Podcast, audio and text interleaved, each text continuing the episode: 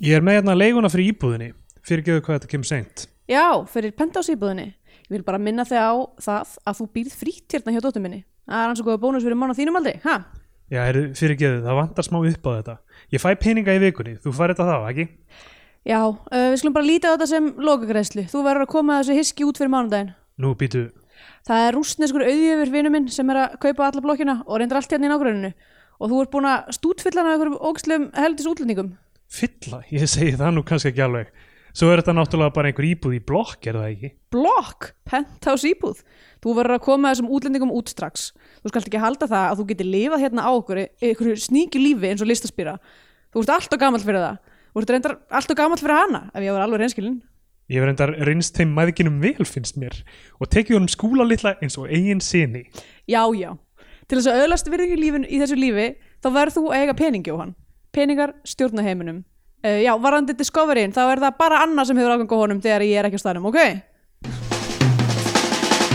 Í Bíotvíu dagsins tökum við fyrir kvikmynd Ara Alexander Ergis Magnússonar frá 2018 undir halastjörnu.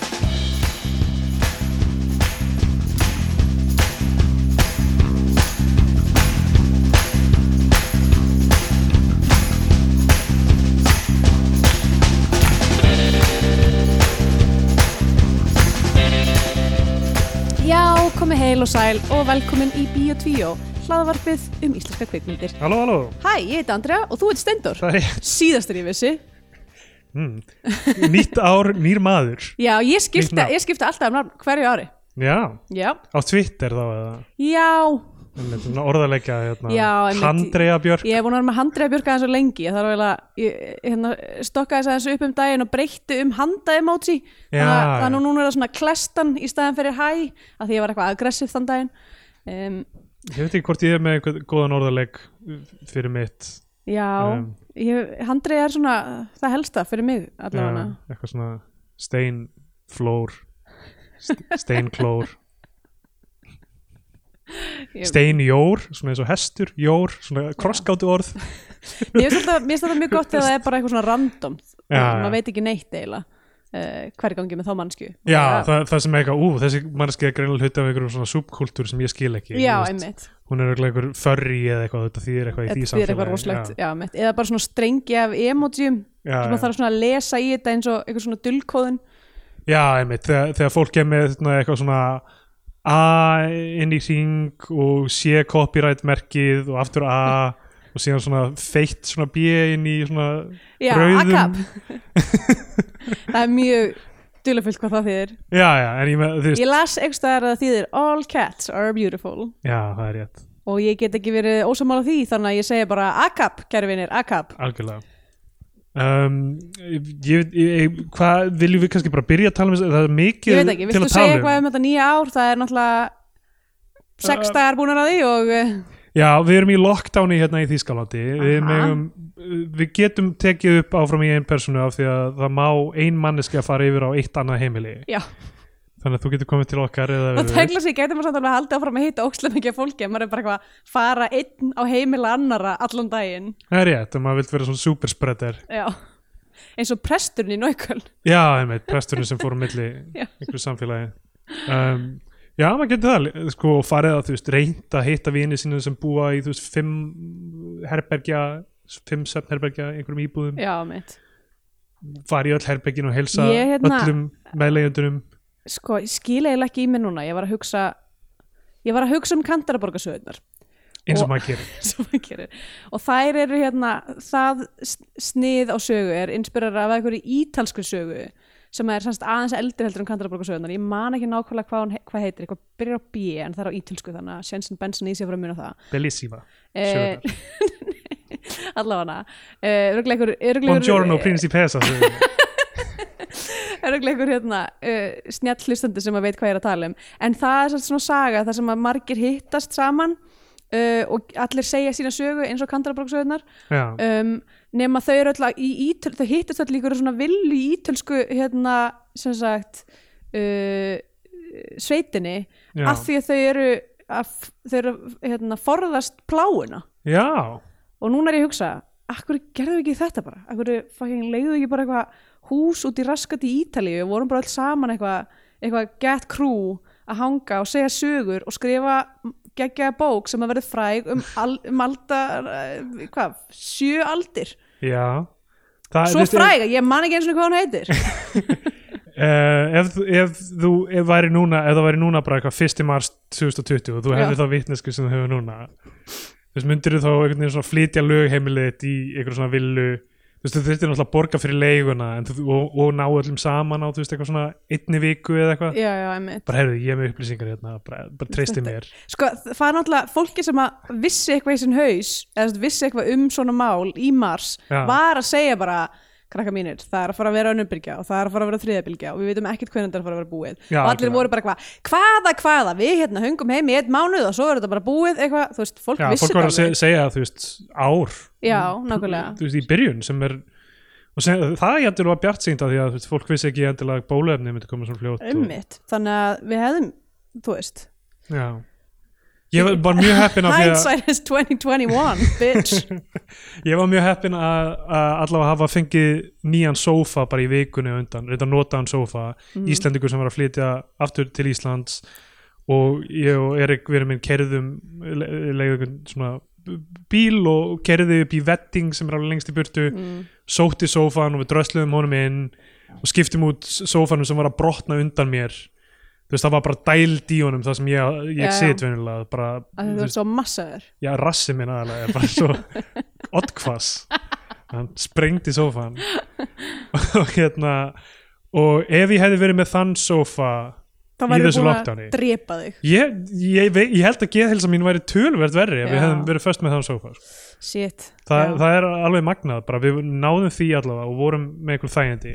Ég veit ekki hvort ég, þú veist ef við værum að nú í einhverju villu einhver staðar í Ítalíu og eitt okkar væri búið að skrifa næsta Frankenstein og Ég, ég hefði bara hrættur með e- e- eitt okkar væri búið að skrifa næsta The Shining í haustnum við myndum byrja að missa vitið og, og maður Jú. er fastur með þessu fólki kannski fólk sem að svona, maður hittir casually en gæti ekki verið með í veist, þrjá mánuði.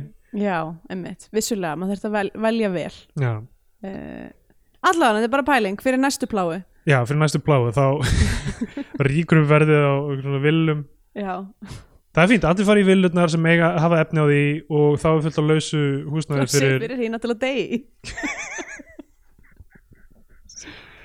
uh, talandi um sorry, ég er bara eitthvað í ykkur um galsa. Uh, Já, eðrilega þú veist, þetta er, þetta er ekstra skríti núna því við erum í þessu harðara lockdowni núna. Það er svartasti vetur núna. Uh, ég lengi byrta þú veist ég, ég er búin að vera, ég er í átaki ég er í hilsu átaki flott ég er, að- er í eins mikið átaki og ég get verið sem er að drekka ekki flöskaröðun á hverjum degi. Já, það er flott, hvert skrif tilur, það. fer alltaf eftir manneskjunni, það er stórt skrif fyrir mig. Algjörlega.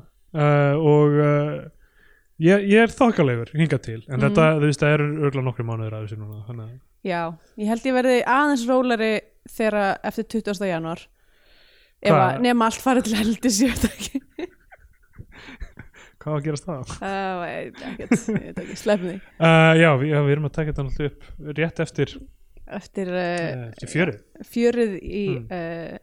það er Capitol Já. Við hefum einhver við að bæta nei, alls engu undir halastjörnu, ég held við hefum bara að byrja að tala um hana ég held við svo, verðum bara að byrja að tala um hana, já það er slatti að segja um þessa mynd Aha. Uh, undir halastjörnu eða Mikkel, um, samvinna uh, íslenskra og eistneskra eða þú veist allavega einhverju leiti fjármagnað frá Íslandi hlýtur að vera. Já, þetta er bara held ég klassíst svona hérna, svona styrkja styrkja gúmulæði, sko. Já en uh, já, það, það er eitthvað sem heitir Amrion sem það lítur að vera meðframlust fyrirtæki í Íslandi Já, eða Evil Doghouse Productions. Það eru ykkur tvö meðframlust fyrirtæki sem hafa ekkert af að geta á Íslandi þannig að ég myndi ekki já. þessi, þessi eistnesku já, einmitt. En þetta er mynd eftir Ara Alexander Ergils, Ergil Magnú- Ergis. Ergis, Ergil sé alltaf komin að mjög lótt að segja Erill, Ergil eða Hergils.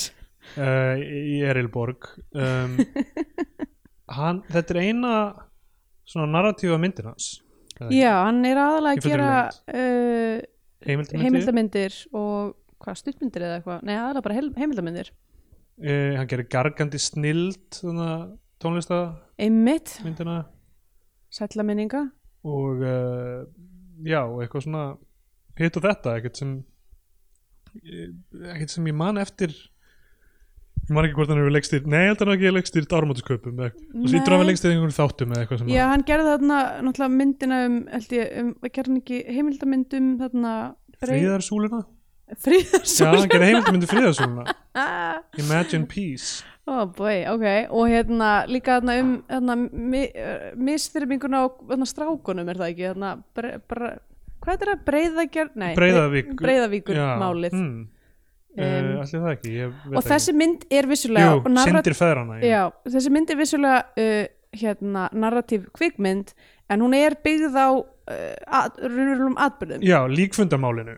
Líkvöndumálun á Neskupstað Já, og það sem ég finnst í rauninni magnaðast eiginlega er hvað hún breytir miklu um líkfundamáli það, það, það helst hérna þjóðarni fólksins sem var innfólfrað í því, sem voru litáar já, ú, það er vandræðilegt Já, það, mér, finnst það mjög áhugavert að Ég er- sérstaklega svona bara til þess að, að, því að, því að það er eitthvað svona mjög laus tema eða bísaga eða eitthvað sem að er þú veist fall Sovjetríkjana og samband Íslands og Já, nei, sérst, hérna, já, Íslands og, og, Rússlands annars vegar og síðan þú veist tengslin við Ísland og þú veist eitthvað Jón Baldvin, Jón Baldvin, og, og einmitt. Og we went over there and recognized them. Þetta, er- þess að sönnsaga frá 2004 þetta er líkfundamálið og sem var í grunninn það að það fannst þetta lík í höfninni já, á Nesköpustað er það ekki? Mm sem er ekki held ég það sem þau fara með þau fara í djú, djúpavog. Já, uh, eða þú myndinni veist, ég hérna. held að þau eigi heim, hérna, fjölskyldans Bóbó eigi heima í Djúbavogi Já. en náttúrulega, hérna, þannig breyta töluvert af um, staðrendum já. Og þar fannst lík En þeir geta alveg að hafa keirt á Neskupstað, það er ekki langt í burtu. Nei, í það getur verið. Og hérna þar fannst lík og það reyndist vera maður uh, að nafni Vætas Júsevicius 27 ára gamall litái Mm. og kemur í þessum til ljós að hann uh, dó sem sagt af því að, að hann var burðadýr og Mhm. sprakk allt inn í honum. Og uh, þrýr menn uh, voru hérna, tveir Íslendingar og einn litái voru dæmdir fyrir aðalt sína þessu sagt, að hilma yfir sagt, með því að fela líkið í rauninni uh, og þetta er rauninni sagan sem þessi mynd er að segja. Mm en það sem ég finnst illa langa áhugaverðast við hvernig hún gerir það er uh, ok, annars vegar það mjög skrítið að skipta yfir í Ísland. Það hljómar sem eitthvað bara eitthvað svona þess að reyna að koma Jónban til Halbar sinni inn í þessum nei, ég hann átti, það átti alveg jafn mikið við um Litáen og. Lettland. Það, þú veist, það er bara eins og eitthvað á það er auðveldar að kannski það segna þegar byrjun myndarinnar eitthvað svona við breyttum, þú veist, nöfnum og eitthvað svona Já. þú veist, breyttum söguna aðeins til þess að það kæmi ekki illa við. Ég með þetta er allt svona eitthvað matter of public record sko, ég held að það þurfa ekki að skipta um þjóðerni á, á manninum. En þú veist, það, ég veit ekki, kannski er einhver, einhver ástæða fyrir því, ég veit Mhm. ekki. Um, en ég sé hann ekki í fljótu bræði annað en að það sé tengt peningum. Uh, og í texta í upphæðu myndarinn þá stendur eitthvað svona eitthvað Ísland uh, viðkendi fyrst uh, sjálfstæði Íslandslandsríkjana og, eitthvað svona rosa text um það um, þú veist, að það verður að setja þetta í eitthvað sögulegt samhengi sem þetta að þessir uh, menn sem, hvað, já, 27 ára er hann 2004 þannig að hann er fættur 70 eitthvað seint mm er þá, þú veist, unglingur um þetta leiti sem uh, Sovjetrikinn er að liðast í sundur og, -hmm. og hérna og Ísland fær uh, sjálfstæði. Þannig að það er verið að tengja einhvern veginn við það og myndin byrjar á æsku þessara þessara þryggja Já, eista sem við kynnumst eitthvað þessari tveir Sem- strákar Ígor, Mikkel og Víra. Já, já, Víra stelpan. Og sem mér finnst mjög fyndið, þau greinlega öll æskuvinir og síðan þau eru fullónin ennþá öll haldast, já, Já, halda og- saman. að, og þau Mikkel og Vera orðin par. Já. og Ígor, Í- Ígor og Vera voru par. Já, en sko ég skildi það þannig þú veist, þegar hann er eitthvað svona, þú manst að ég var með henni fyrst að það hafi verið bara eitthvað svona Barna, sem barn, bara sem, þú veist, eitthvað 10-12 ára eitthvað að kissa á kinnina. Ég menn það kemur alltaf ekki fram en af því að það, þú veist, í einu, einni flashback senunni til þess tíma þá er eitthvað svona er, ég held þú verið skotin í Ígor eitthvað Mm. og það er ekki, hún er eitthvað neina Já, já, en þú veist, það kemur svo sem ekki alveg fram og, uh, og þau eru að leika sér í fjöru og Mikkel finnur stein sem hann kallar halastjörnu, þetta er því að Mm. eitthvað fallegu stein já, með svona gati í miðjunu eiginlega Já, veginn. og Ígor hrifsar hann á honum eitthvað er alltaf sem hann fær hann, uh, þú veist, nær honum aftur já, og Ígor er svona full út í hann hann er alltaf, hann er alltaf svo heppin Mikkel en Ígor á erfitt af því að pappi hans lemur hann, hann er, hann er drikkjumæður, hann er rústneskur já, og er í öngum sínum yfir stöðunni af því hann óttast um eigin uh, einhvern veginn svona líf. Og bara Ég- tilverir rétt í tilverurétt, já. Uh, þegar, af því að rústneski herin og við sjáum veist, fréttamindir af því að rústneski herin er að fara. Já, rússar eru að yfirgefa uh, Ísland og, og þannig er fjölskylda Mikjels er að tala um eitthvað, já þetta lítur að því að veist, allir rússar fara bara. Þá Mm. verður Ígor leiður og eitthvað, þá eitthvað glendur að pappa hans er rússi og eitthvað svona. Uh, þannig að þetta er svona upplýsingandi sem við fáum í þessu byrjunar. Já það er rauninni sko hérna, að þeir séu mjög góði vinir en einn er meira bossi heldur en hinn og, og hérna og meira brotin. Já, já, sem, já, sem er sagt. já, um, myndin, já, á, Erlendis heitir Mikkel. Já, og hérna, hún heitir bara eftir sem sagt, þeim, þeim hérna, stráknum, stráknum sem, sagt, sem, sem reynir síðan að vera sá sem deyr með þetta allt inn í sér sko. og það er annað sem veist, ég, ég veit ekki ég- hvort ég er að spoila einhverju sko, þessi mynd kom út 2018 en veist, ég veit ekki hversu mikið hún var sínd hún er, veist, það er hægt Sko, að horfa hann á ég- ég fyrir held- eina þetta, ég held að sé mögulega fyrsta, eða kannski ekki fyrsta ég bara með, kemur ekki neitt annað til hugar uh, tilfelli af svona hérna uh, svona tvíproduction dæmi af því að vargur sem er með Nei, um já. það bil söm, sama sa- algjörlega, ég ætlaði að segja söguþráð kemur út á sama ári. Ruggla, og loðum mér að falla kemur líka út á þessu ári. Þetta er bila sko, því að var, vargur sem fjallar líka um svona burðadýr já. um, sko núna og já, er ok. öruglega sko það handrit er öruglega líka inspirerað já. af, af þessu máli. Já, þetta er smá svona Armageddon Deep Impact Já, einmitt, nákvæmlega. The Illusionist, The Prestige. Eða, eða Friends with Benefit og uh, No Strings Attached. Já, eða uh, Fire Festival og Fire Festival eða hvað hétur heimildamyndin var. Um, Já, og svo var þetta Nexium heimildamyndin þar sem Já, fyrst kom út The Vow sem við horfðum á við Kristjana og byrjuðum að hata eftir svona þrjáþætti Já, og kláruðum samt. Og svo kom út eitthvað Inside Nexium, ég man ekki hún hétt Seduced já, sem var miklu betri Ah, en enginn af því á því hún kom kom- bara mánuði já. eftir hinni. Já, ég horfði hvoruga. Já.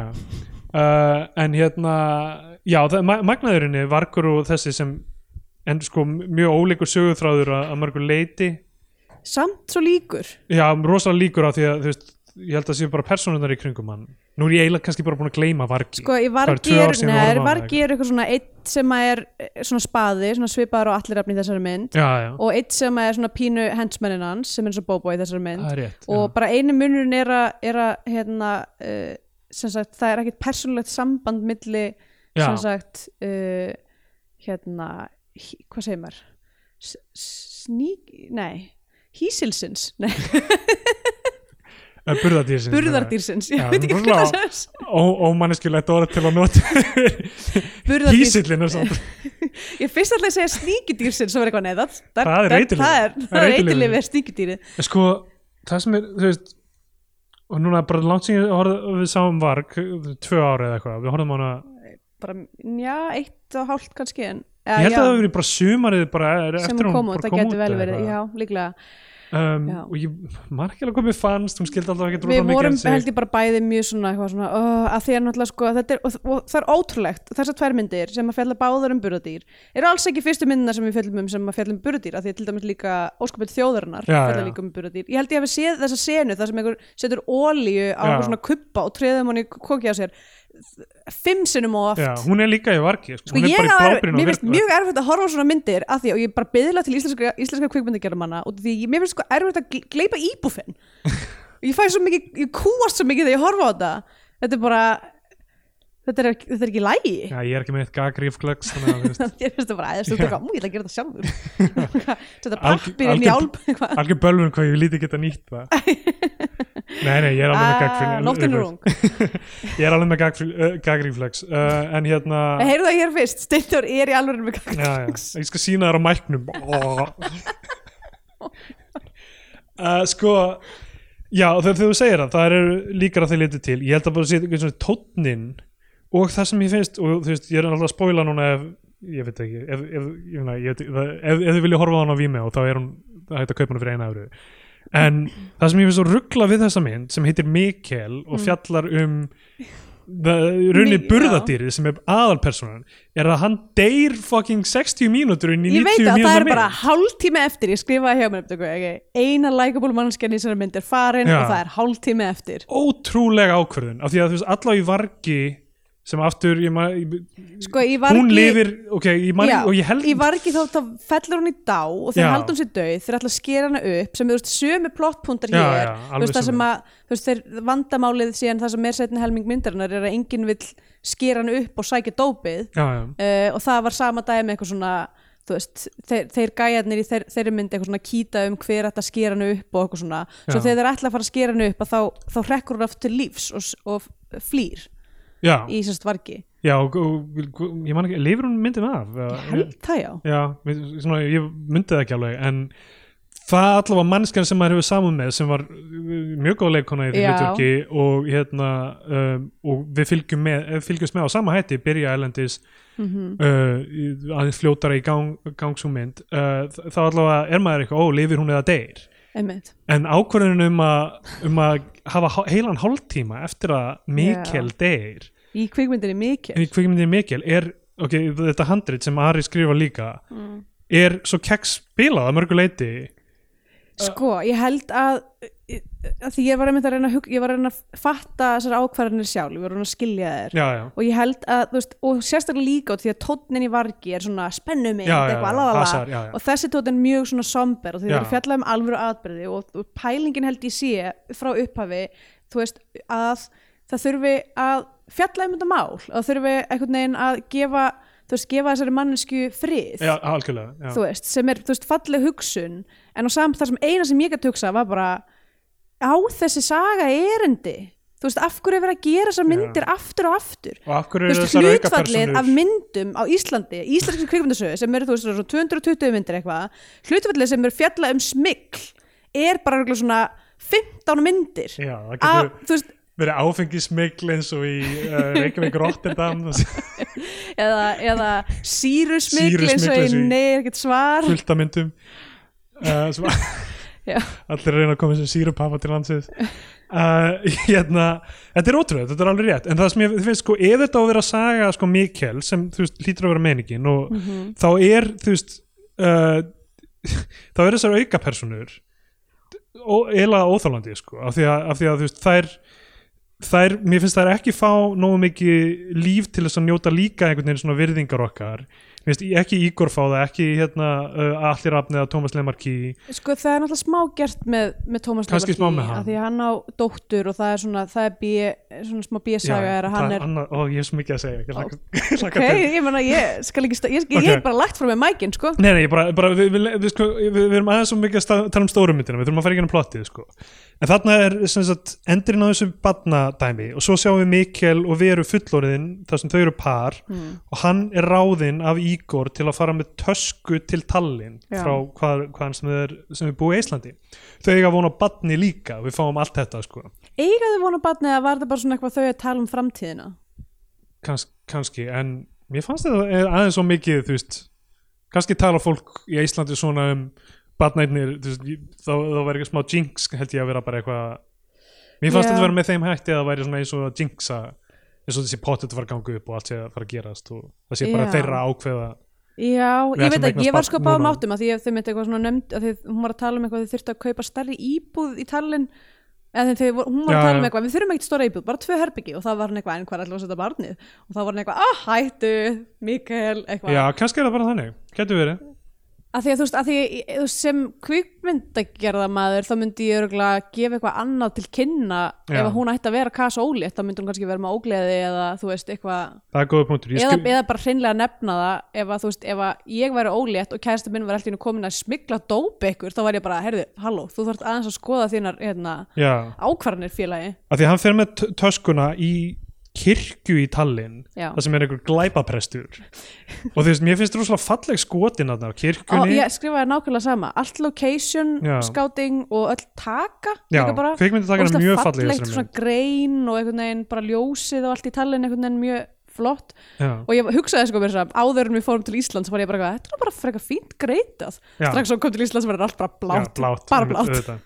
Þú veist, ég, veldi stundu fyrir mér eins og með hérna, myndina sundárhifin þar sem við fórum til Íslands og ég byrjaði að hata þá mynd Já. eftir að hugsa bara, þetta geði spennandi. Það, stundum hugsa ég sko, er, er það af því að ég hef eitthvað eitthva já.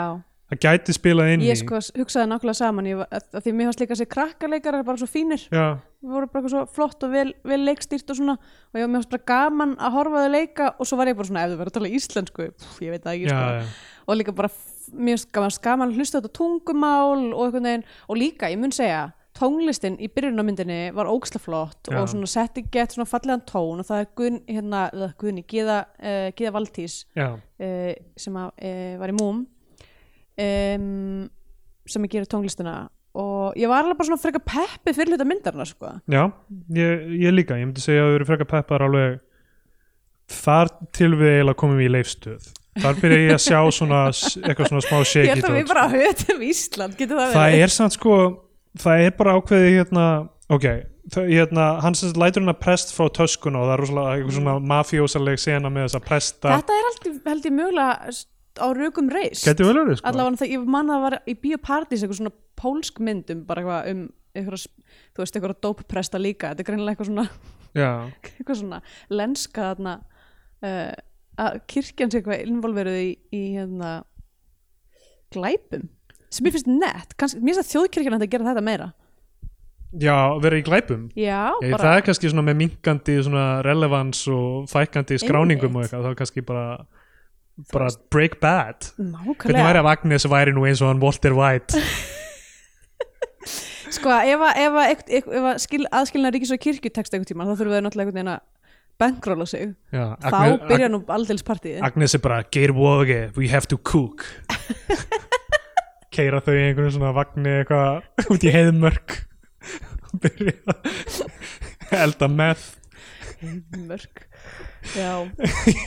Finnst það er heiðmörk. Eitthvað allir eitthvað að hæka frá prestur, biskupin kíkir eitthvað út um gluggan Uh, hérna uh, sko, ok, og þeir svona prófa vökvan úr töskunni, þetta er eitthvað svona amfetamin basi eða eitthvað ég held einhvern veginn að þið væri meira að smigla vökvanum en actual duftina Já. því að þú síðan kemur þetta í þessum uh, hi- hérna, smokkum í rauninni. Já, og uh, það er bara þú veist ég veit ekki, þetta er einhver, ég man ekki hvað þessu þetta væri 20 pakkar eða eitthvað þannig. 66 66 pakkar, já. fuck, nei, það passar ekki inn um maga, Þa, það er allavega það sem að er sagt í myndinni. Það er ruggla já, Mér hefði mátt gera meira mál úr því Hor- horfa á hann borða bara sig kingja öllum 66 pakkunum ég er nefnilega þurfti að hraðspóla gegnum þetta atrið ég, gat, ég var að kúast sko.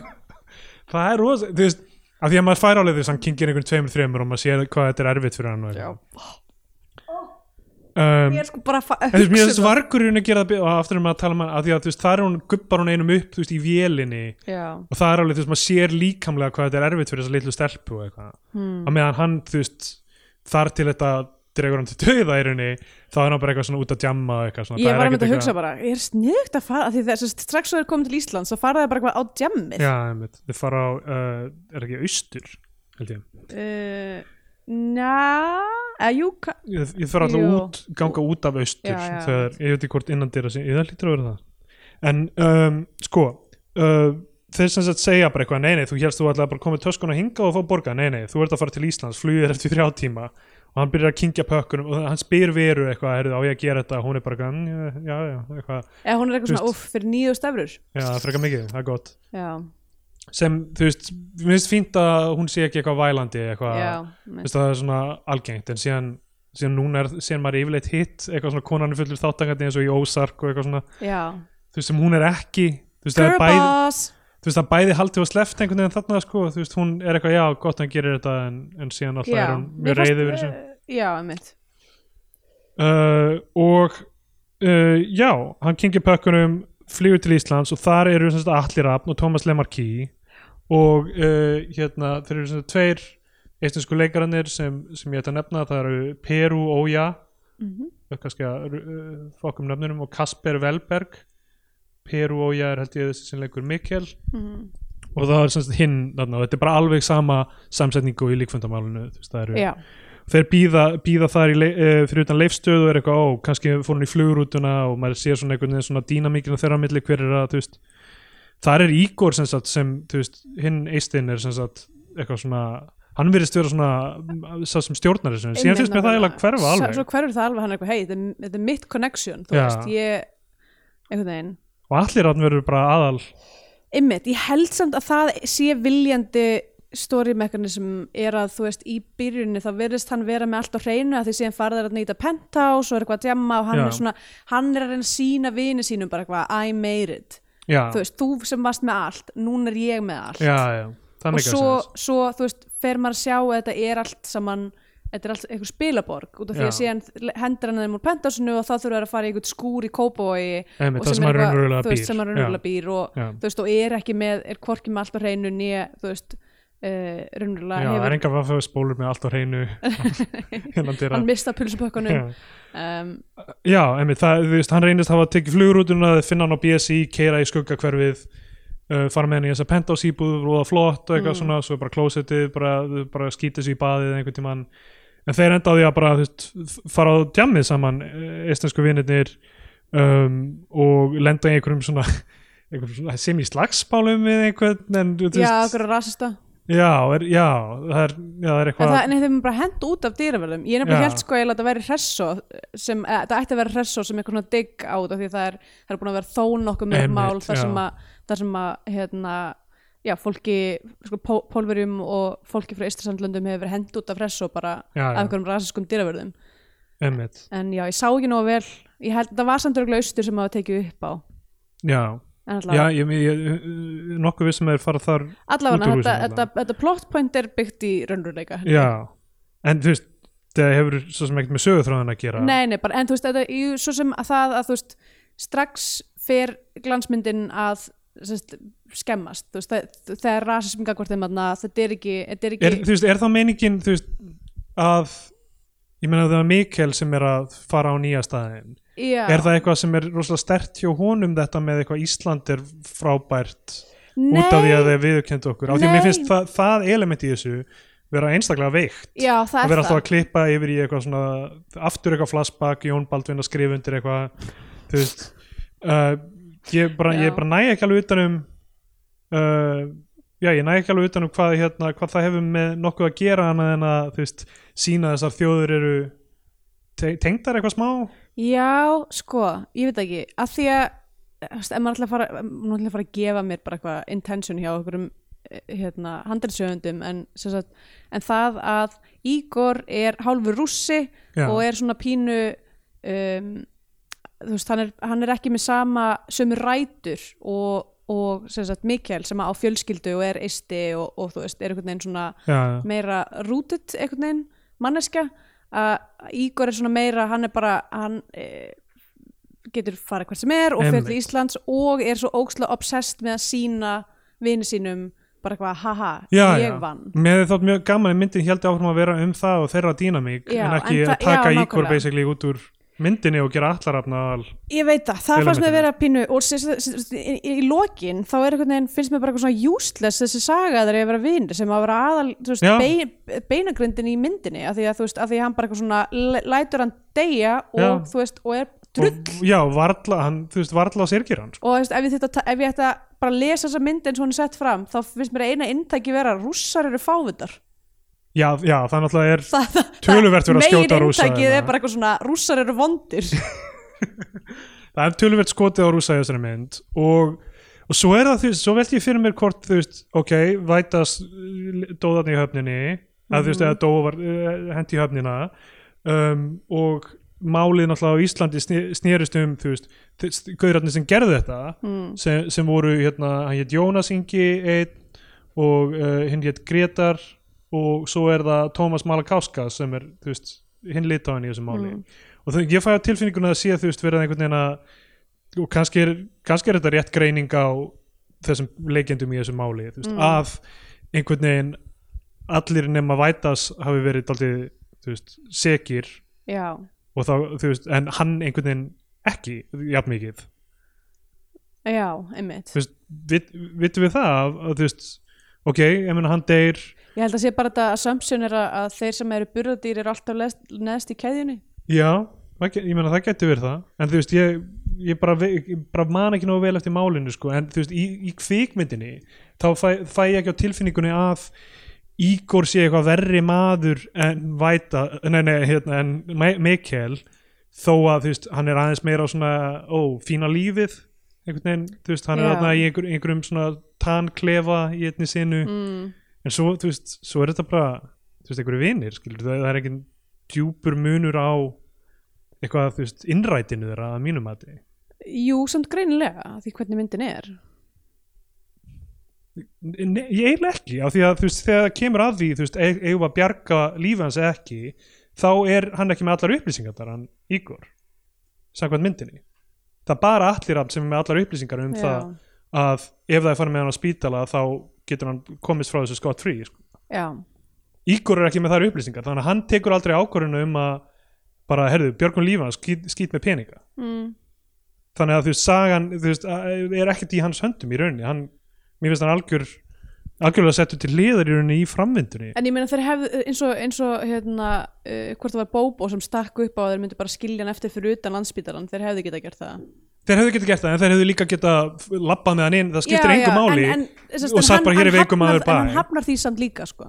já, en Þó það er af því hann heldur að hann fari beint í fangelsi á Íslandi í, þú veist Já. tugi ára eða eitthvað Mikkel já, Mikkel, fari í Já, fangelsi ok. af því að þau finna dópiðin í honum af því að allir að lígur að öllum í, í Já, genginu af því að hann vil bjarga dópinu þá segir hann, heyrðu, ef hann hann í hann ekki ég, hann sagði þá fyrir við allir í fangelsi já, já, já, það, ég meina það eða, þú veist, jú, jú, skilja hann eftir það, veist, það er samt málið er stóra spurningin held ég líf Mikkel versus uh, versus pen, peningarnir sem eru inn í honum hvort Já. það er hægt að bjarga þeim mm. og, og svo er það þú veist hérna, uh, hvað, málamílunin sem er að fórna peningunum og bjarga lífinu hans sem Ígor fær í rauninni aldrei þú veist, möguleika á að velja af því hann veit að hann mun alltaf Mikkel mun alltaf lenda í fangelsi að þú veist, að, að, hérna nei, nei, ég segi- eiginlega- ég segi vel, bjarga lífi hans og hann sleppur sem er málamílun en peningarnir hverfa. Já, já, það er, er málamilun í rauninni. Bjarga lífi hans en við fórtum peningunum. Og Ígor fær aldrei að vita af þeim valkosti, já en uh, sko, ég samt ég veit ekki, það er, ok, það er þinn, þinn lestur. Minn lestur er samt sá að, þú veist, hann tekur ákvörðunum að frekar bara taka peningana að því að, þú veist, að þú veist að velja þetta eitthvað, ok, þessi maður er augljóslega já, uh, við getum látið hann lifa og hann fyrir fangilsi myndur ekki kjósa það frekar ef við dauða? Jú. Hann Jú. samt að drepa hann. Honum finnst, honum finnst eð, já, já það, er, það er rétt, jú, hann hefur, hann hefur síðan var, hérna, fer að velur það að senda hann aftur til Ísland með flugi. Mm, er sagt, lendingin hjá honum sko, já, sem er síðan ekki hægt sem er ekki hægt sko. Um, en jú, það er rétt það er, það er einn annar þarna millileikur. En þú veist, af því að allir rafnir svo mikið hillmenni illmenni. Og hann er svo góður í að leika drulluhala af einhverjum ástæðum.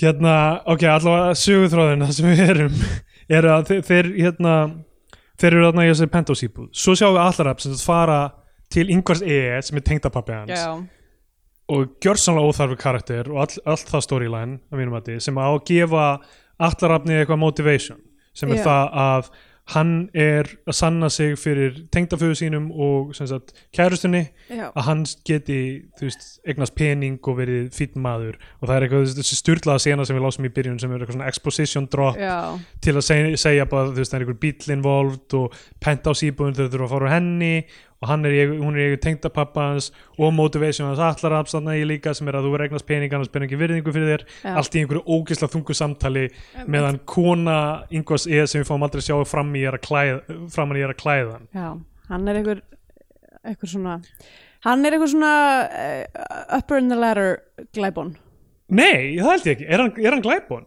Vitum við það? Er hann ekki bara einhver svona íslensku peningakall eða eitthvað? Já, Já, ok, ég meina, já, þannig glæbon já, upper in the ladder. Herri upp í stíðanum einmitt, þú veist Ég meina hann er eitthvað hann er að tæma, þú veist fucking þarna, veitingastæðin í hörpunni til þess að borða með einhverjum rústneskum hérna óleikar Já, já, þú veist, en þú veist sorry meina- en það er, ef, ef það er ekki exposition fyrir að þú sért einhvers konar glæpamaður þá veit ég ekki hvað það er. Já, en sko, sákur, það er önnur sena sem kemur þarna sem er á líka ítundir þetta motivation og því að það er allir að uh, þeir eru semst að í uh, er þetta ekki þarna um, hvað heitir það þarna, eitthvað efsta hæðin þarna? Jú, ég man ekki hvað heitir. Um, Já. þar sem eru svona eitthvað móttökur eða eitthvað, en þetta er á veitingastænum Já, jú, þetta er veitingastæðum sem eru á þarna. uh, og þar er sem sagt yngvari og dóttir hans Stæfrýr Ingvarsdóttir sem leikur dóttir hans í þessari mynd. Og hérna og einhver svona rúsneskur auðjöfur líklega þessi sem er að kaupa allar all, allt skuggakverfið Já, bara allt What? hverfið, einmitt. Sem er náttúrulega ekki byggt á neinum þú veist, hérna staðrendum en hérna, ég meina það eru einhverjir erendu auðjur en einhverja hérna, íbúður að næðan já, uh, það, það, hérna, það sem er bara sena sem allir að með að drekka rosalega mikið og svona low status og er að bladra rosalega mikið. Og þeir að tala rosalega mikið um Vladimir Sirjanovski rúsnenska stjórnmálamannin sem var svo full yfir hérna, uh, sjálfstæðisifilýsingu hérna, uh, Estrastadsríkjana og Já. stuðnings Ís Íslands. Hann vildi breyta Íslandi í fangæði og þetta er einhver löng samtalsina sem er unni bara áfram að hei, munið allir aðnir low status í öðru umhverfi og hérna, þess vegna það er hans motivation í já í rauninni hans, hans hann er bara hann er bara eitthvað svona uh, emasculated og tekur það, eða þannig, já, bara svona petty einhvern veginn slöpp típa. Já, eða bara svona, þú veist, ef mér finnst það of skamt farið með þessara persónu sem eru ekki Mikael mm. ef hann á ekki að lifa af alla myndina, það er svona eiginlega þú veist, ég verð að sjá eitthvað aðeins meir en svona eitthvað svona þung, þung hérna, eitthvað dropp af upplýsingum um um hina og svo er það svo hérna hvern persónu sem að koma inn á eftir sko. ég er með ákveðið Ah. samhengi sem ég langa að ræða hvern persónu það er í saman ok, Uh, sko, svo er þú veist uh, já, svo kemur í ljós sem sagt, það eru kamerur í íbúðinni uh, allir átnir alltaf að fylgjast með þeim gennum kamerur mm það er aldrei svona comes into play nema bara, þú veist, -hmm. sér að þeir fara heim af djamminu með einhverjum stelpum og svo reynir Mikkel að, að kúkast út úr sér en, en lokar á kameruna næst þegar koma þá Já, hann reyndar sko, hann situr hann bakarinn og horfir upp í myndavélina og svo svona, tekur hann pappirinn og svona sýnir, eða svo setur pappirinn í myndavélina til að sína engin kúkur. var það dæmið? Já. ok, ég held að hann væri bara veist, að blokka út kameruna Ég líka bara að vera með eitthvað, eitthvað attitút, skiljanlega. Þetta er ekki treyst mér til þess að kúka. Eða reyndar var ekki treyst mér til þess að kúka í þessari mynd. Það það var ekki, ef eitthvað það var ekki hægt að treysta sem manni til að kúka oh boy, æ, sorry, ógstlega ljótt að vera að hlæja að Það þessu. liðin 17 ára, þetta er alltaf uh, Sko, ég var að hlæja, nei, ok, ég ætla ekki að segja þetta. Hvað? Æ, bara það var, oh, ég las tví, æ, það var, þú veist, það var ein mannski sem dóð í Capitol Hill. Já, já, og það var einhver sem sagði eitthvað oh, terrible hill to die on hræðilegt en þú veist, það er hægt að hafa samúð með þessu Q-fólki sko, sem, ég er bara með heilaorm greið já það, þú veist, það er þetta er eins og að vera bara í einhverjum svona non-stop einhverjum hérna Dungeons and Dragons leik sko, það sem þú fara bara að búa til raunveruleika þinn as Já. you go, þetta er bara eins og ein löng improv sena, þetta er bara örgulega mjög gaman hjá þeim hjá þeim sem er í henni það er bara eitthvað pattern game sem er farið úr já, böndunum já, þeir sem eru að horfa utanfra eru náttúrulega eitthvað, þú veist, þeir eru búin að vera að gera þetta improv bara svolítið, í já, nokkur ár bara eins og allir sem að fara á Já. improv síningu er Já. bara, hvað þau innabúða húmurinn er algjörlega óskiljanlega rétt. En þú veist, er, þú veist við, við, við höfum ekkert kontról á líf okkar og raunveruleika og ef maður getur búið til einhverja ímynd af því að maður hafi kontról þá er það einhver laust ég myndi bara sama ástæð og þarna Da Vinci Key var vinsalum allan heim, fólk finnst ókslega gaman eitthvað svona, að ég skil, ég er líka að leysa gátunar með honum. Þetta er ekki skáldsama sem búið að skrifa við erum að leysa þetta saman. Já, já. Ah, ég, ég skil þetta af því að það var verið að segja mér það. Já. í þessum tveggja blað sína kapla hérna. og ég las hana og ég bara hm, hún er kaplan, gekkja. Herri, ég ætla að lesa eitt kabla Já. uh, ok, herri, eitt kapli fyrir svefninu, ok mínúti setna Kristina horfðum aftur á, á myndina nýlega, hún er óbærileg sko. Já, algjörlega óbærileg. Ég menn þessi bók er það líka sko. Já, en ég uh, var mjög ungur ég las hana já, sko, þetta, þetta er eiginlega þetta er sko young adult eiginlega En ok, sem sagt um, herri, þetta er eitt sem ég langar að segja við að þið fara á barinn og tónlistin í djamsenum í kvikmyndum mm. er svo skrítin oft. Þetta var eitthvað svona þú veist, fólk var að dansa eins og var í poptónlist en tónlist sem var undir var einhvern veginn svona eitthvað svona trip-hop eða eitthvað, eða svona eitthvað mjög spes tónlistina sem á alls ekki við um dansgólf og, og ég, ég, ég veit ekki hvað myndi flokkast og, og ég get ekki séð þessar gellur á austur sem voru að vera að dansa svona við ég, þetta sko, náttúrulega- ég, þetta er eina af mínum sko, helstu martröðum er að þurfa að vera einhver svona partísenu í bíómynd af því að það er náttúrulega er ekki hljóð. Já, já. þú þarf bara að reyna að dansa við bara hjartsláttunin en í, hó, í hópsenum? Já, er ég ekki á, að spila allir, þess vegna að þú fylgist vel með hópsinnum, veldu bara tempo og spila bíp, bú, bú, Nei, bú, það er verið að taka bú. upp náttúrulega, þú veist, audio. Það er verið að taka upp samtölin. Já, það er ekki að samtölu í öllum sumar senundar Ok. voru bara fólk að dansa á dansgólfinu og eitthvað. Setja bara human music á. Já, nákvæmlega.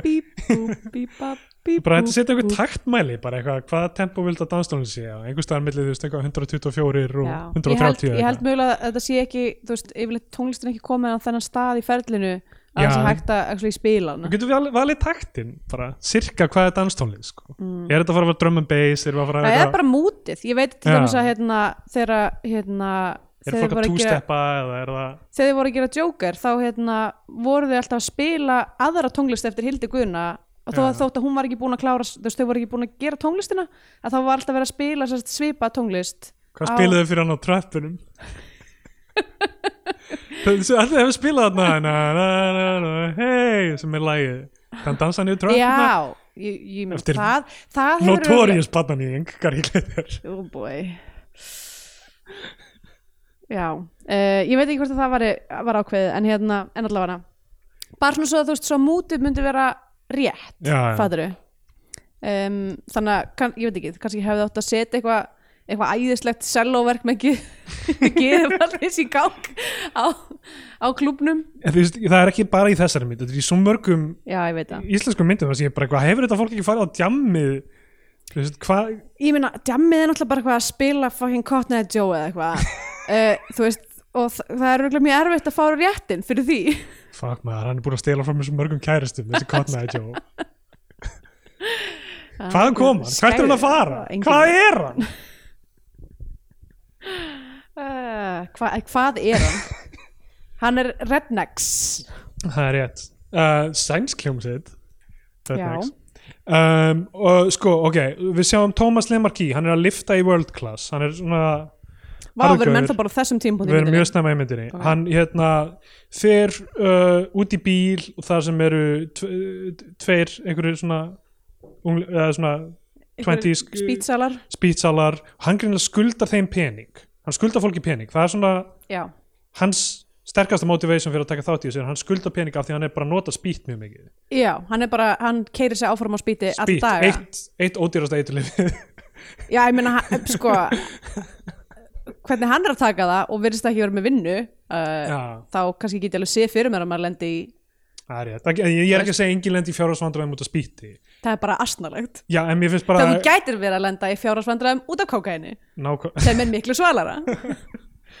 Hvað er svalar en að vera í fjárhagsvandræðum út af kókaini það er personur í bíómyndum. Flestir okkar bestu menn hafa verið á þessum stað.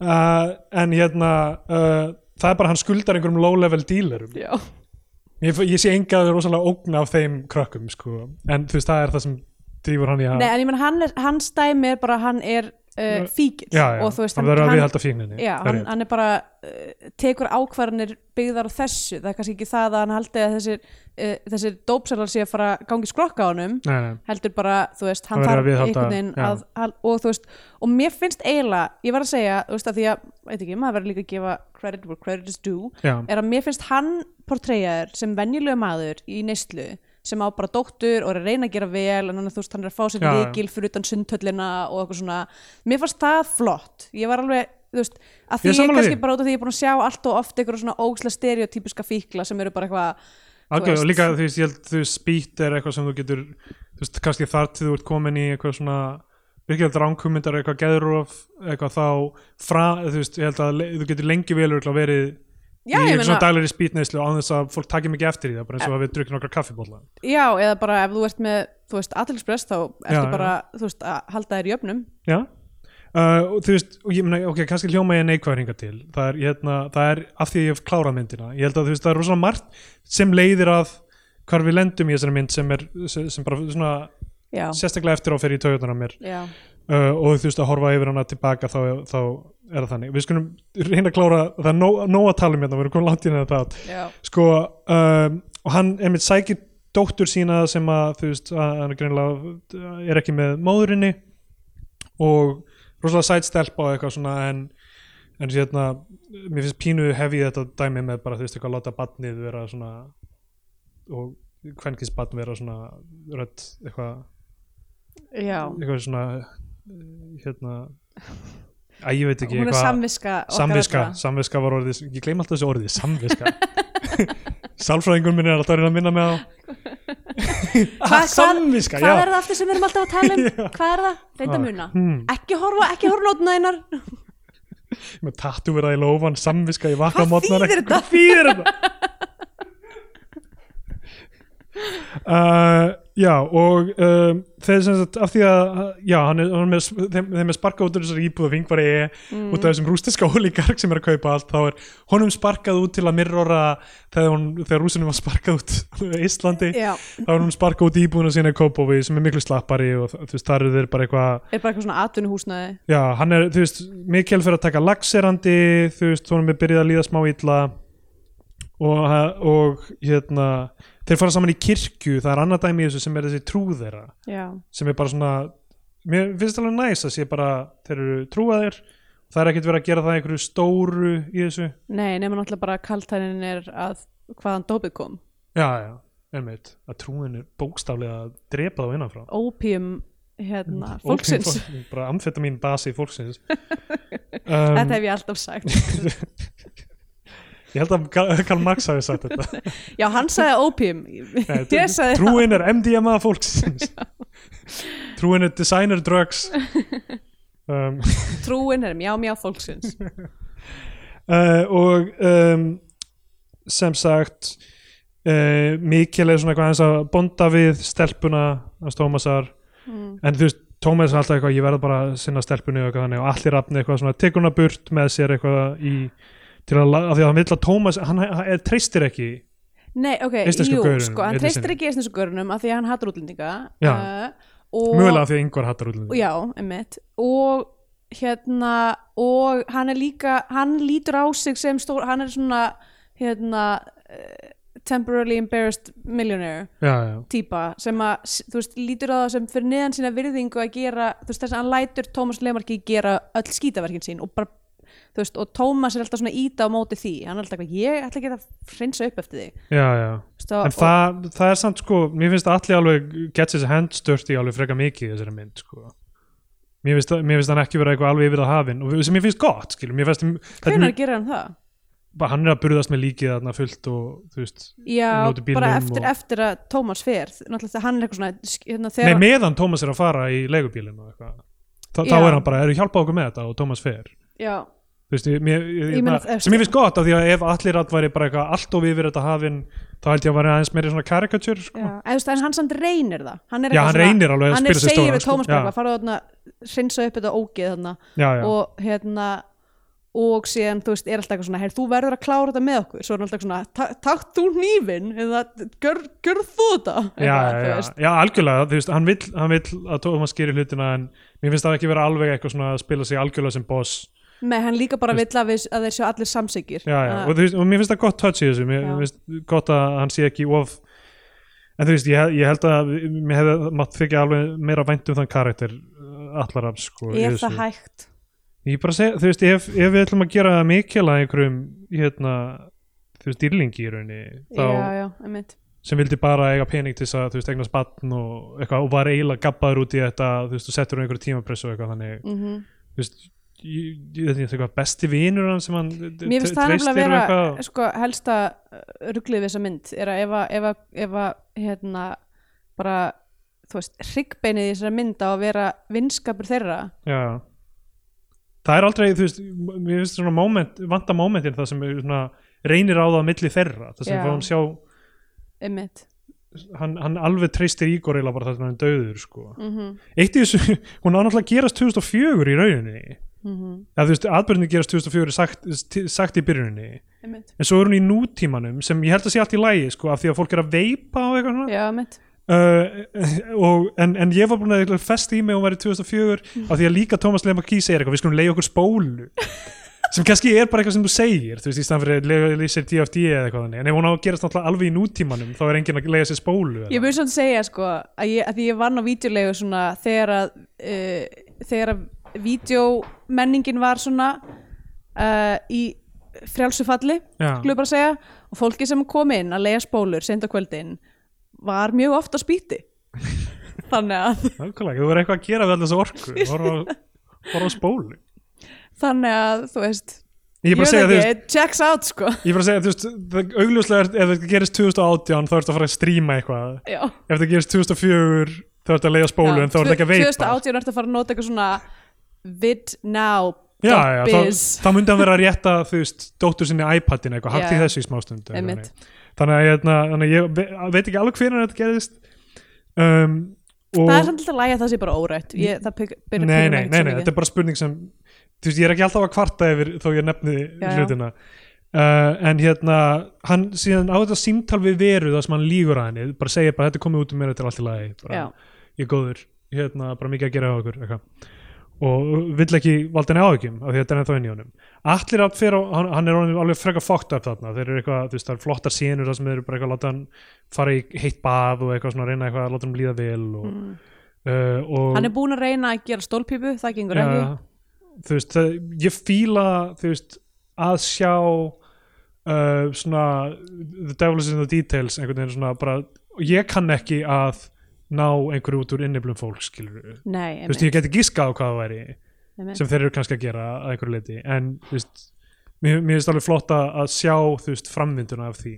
Einmitt. skref fyrir skref. Og svo fyrir allir aftsins á spítalan og tala við lækni og, og hjúgrunafræðing og er eitthvað, hérna, herðu, ef ég myndi koma með gaur vinur vina míns eitthvað sem er fullur af dópiða hennan og er að smikla þú veist, hvað gerist og hún bara við þurfum ekki að segja lauruglunni Mm uh, hann ræður sjálfur hvort hann segir frá eða ekki en Við dópið verður gert upp já, en bara að fá að halda dópinu eitthvað, það kemur ekki til greina.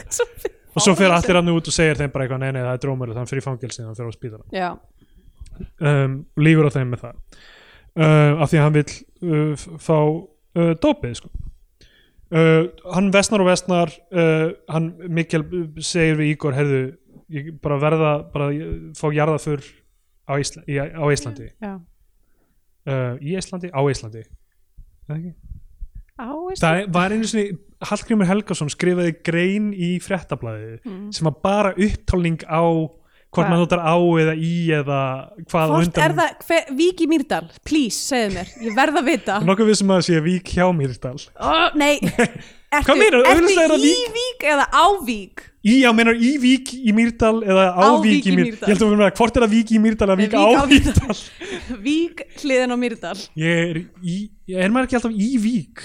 Og í Reykjavík. Já, maður er, en Vík í Mýrdal er held ég, ég veit það ekki. Ok, ég er Já. að fletta svo grein Já, þetta er, þetta er bara svona grein sem er bara upptalning sem, og þú veist, Mm. þegar ég vann á fréttablaðinu á þessum tíma og fólk var bara prenta, þú veist, klifta hann út, út. Já, klifta hann út úr fréttablaðinu og, og límdi bara í básana sína bara til að hafa, þú veist, bara, ó, ég er að skrifa hérna, já, á breyðlansegjum, já, eitthvað, ok, það er Næs, mjög þægilegt, já. En uh, ég veit ekki hvað hún er. Það Um, var fínt að gera bara póster. Hann, hann, hann eitthvað. Algjörlega, og þetta, þú veist, þetta er ekki eitthvað svona uh, intuitive, einhvern veginn, til að vita. Nei. alls ekki Uh, og ég- já, hann vil bara, hann bara eitthvað, já, ég, bara við gjörðum þig í Íslandi en þetta er alltaf að þú munt lifa af þú veist, við ætlum að fljúa með þig uh, í staðinn. Og þá er flashback í börnin aftur að leika, leika sér sko, þetta er allt bara til að veita því eitthvað svona meiri dýft og sorg þú veist að, að þ- hann sé að deyja frá þessum gömlu vinnu sínum og kærustu. Um, þú veist, ég fallegt, en ég veit ekki hversu mikið það bætir við þú veist, að vera alltaf að flassa aftur í eitthvað svona. Einmitt. Þú veist, ég, vei, ég veit þau voru eins og börn og ég veit að þau þú veist, ég sá eitthvað svona umfjallan umfjallun um þessa mynd þegar hún kom út sem var eitthvað svona það er verið að svona manneskjuvæða eitthvað hérna eh, glæpamenn og eitthvað svona. Eitthvað, ég, ég veit, skilur, ég veit að þeir eru manneskjur, En skilur, þú, kannski veist það meira en aðrir. Þú þarft að skrifa um, þessa- uh, skrifa um þessi mál. Já, en, en þú veist, ég held að þú gerir það bara með því að þú veist, þú gerir það ekki með því að segja bara einu sinni voru þið börn eða þau eiga að, maka og tell you, vin ég hef unni í Östubæðskóla og sum börn eru bara litli skítir og eiga enga verningu skilin Nákvæmlega, mér finnst þess að vanta aðeins meira þú veist, hvað, þú veist, hvað gerir Mikkel þú veist, í frítíma sínum börn og, nokk tíma gert fyrir okkur? nákvæmlega, þau eru fram I believe the children are our future en þau hafa ekkert gert Hannes Holmstedt sagði þetta var það ekki eitthvað tíma til að þessum eitthvað Ég svona vil held að það var Vitni Hjúston sem sagði þetta nei, nei, Hannes Holmstedt sagði hvað hafa börn gert fyrir okkur? sem var eitthvað svona því röki gegn eitthvað að stoppa nastrana lín. Oh my god, það er gæi sem er ekki hægt að skrifa, það er karður sem er ekki hægt að skrifa sko. ekki hægt. Það, já, hérna sko ég, ég bara segi, þú veist, ég veit ekkert um Mikkel annað en Hann, á konu vill bad, hann var eins og bad Já. ég veit ekkert hvað hann hefur á hverju hann hefur á eða hvað hann gerir sko. Þetta er allt í lagið svo sem ef þú veist stærri hluti af myndinu væri bara veist að sitja hans með honum sko og kynast honum um, ég, ég veit ekki alveg hvernig af því að augljóslega er svona veist þorrin af myndinni er veist þetta hann sko. Mhm.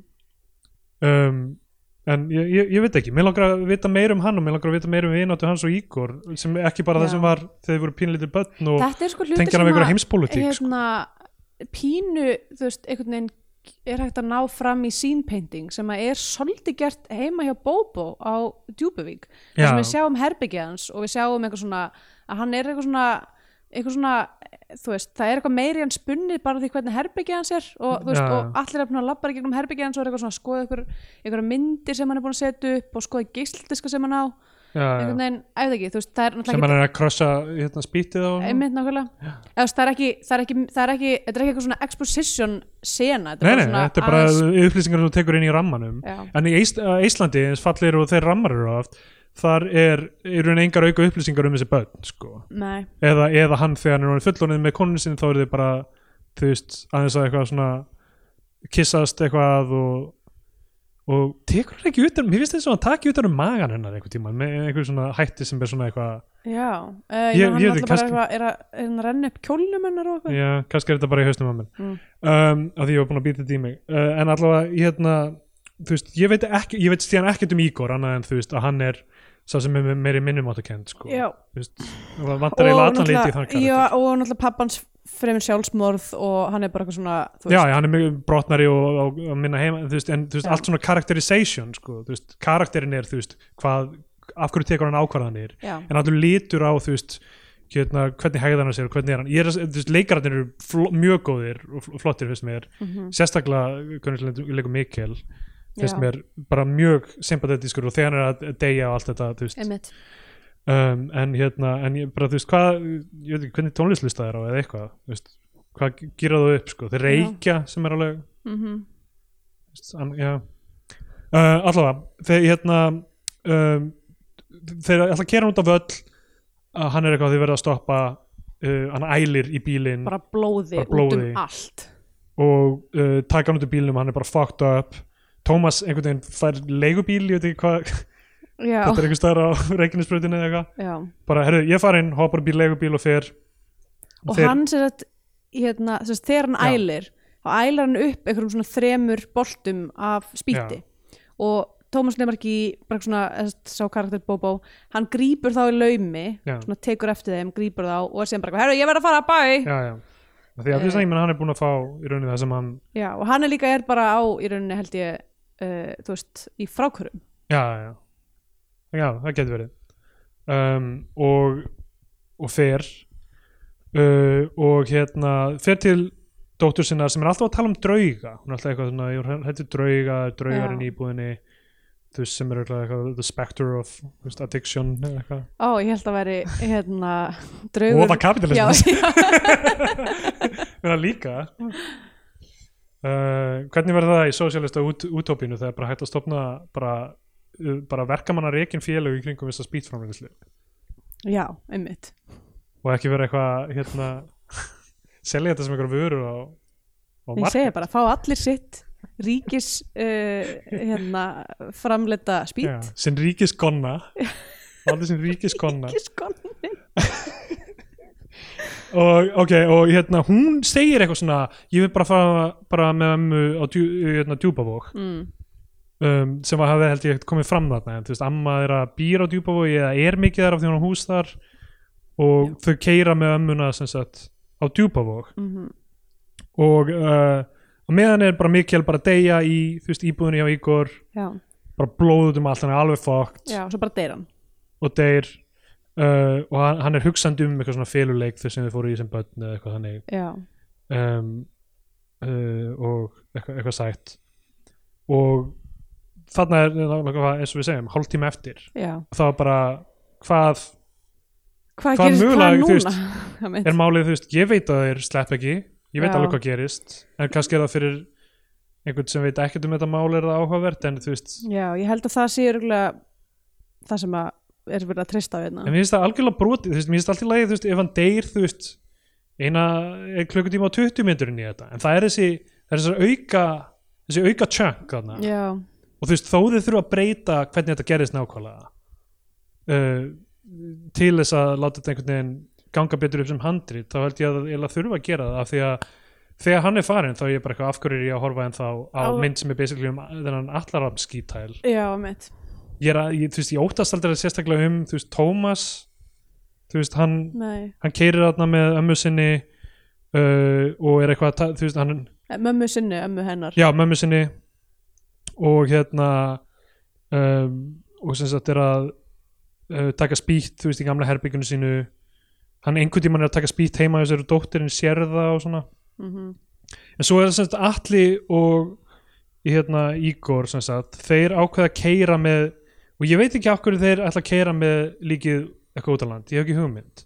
Af hverju ekki að keira með það hvert annað Já, hvert sem er annað en þvert yfir landið þú veist þú veist, ég veit að það er það sem gerist í alvörinu þegar kerði á nýskupstæða já, sem hérna, ég veit ekki hvað, að hvað þið gerðu mögulega til að veist, hafa það sem lengst frá þeirra já, alltaf ekki. svona heimilið eða eitthvað. Kannski voru þeir að hugsa eitthvað svona að þetta getur verið tengt við, þú veist seyðisfjörð eða smyril eða hérna, ekki smyril, jú, heitir ekki smyril Jú, Jú. já, já, kannski er það einhver pæling að að það sé tengt uh, ferjunni. Já, en þú veist, mér finnst motivation ekki skýrt hjá uh, allarafni og held annað sko en bara, herðu, vonandi er hann á leiðinni þangað líka. Já, og þá getum við fengið hann með okkur í verkið af því að þetta getur alveg verið tveggja manna verk eitthvað, Já, ég held að sko það er allavega búið að stabilsa það að hérna uh, allarhafskarakterin er bara alveg helbent á að þeir séu allir með þessu, í þessu saman og já, já, allir jafn sigir og eitthvað. Að því að síðan sko í lók myndarinnar þá kemur svona ein lína í endan sem er eitthvað svona hans karakter hérna neitað á alltaf sög að hafa átt nokkuð, nokkuð þátt í þessu máli. Einmitt, það sem kemur í ljós veist, það sem við vitum uh, hérna, þeir fóru í fangelsi.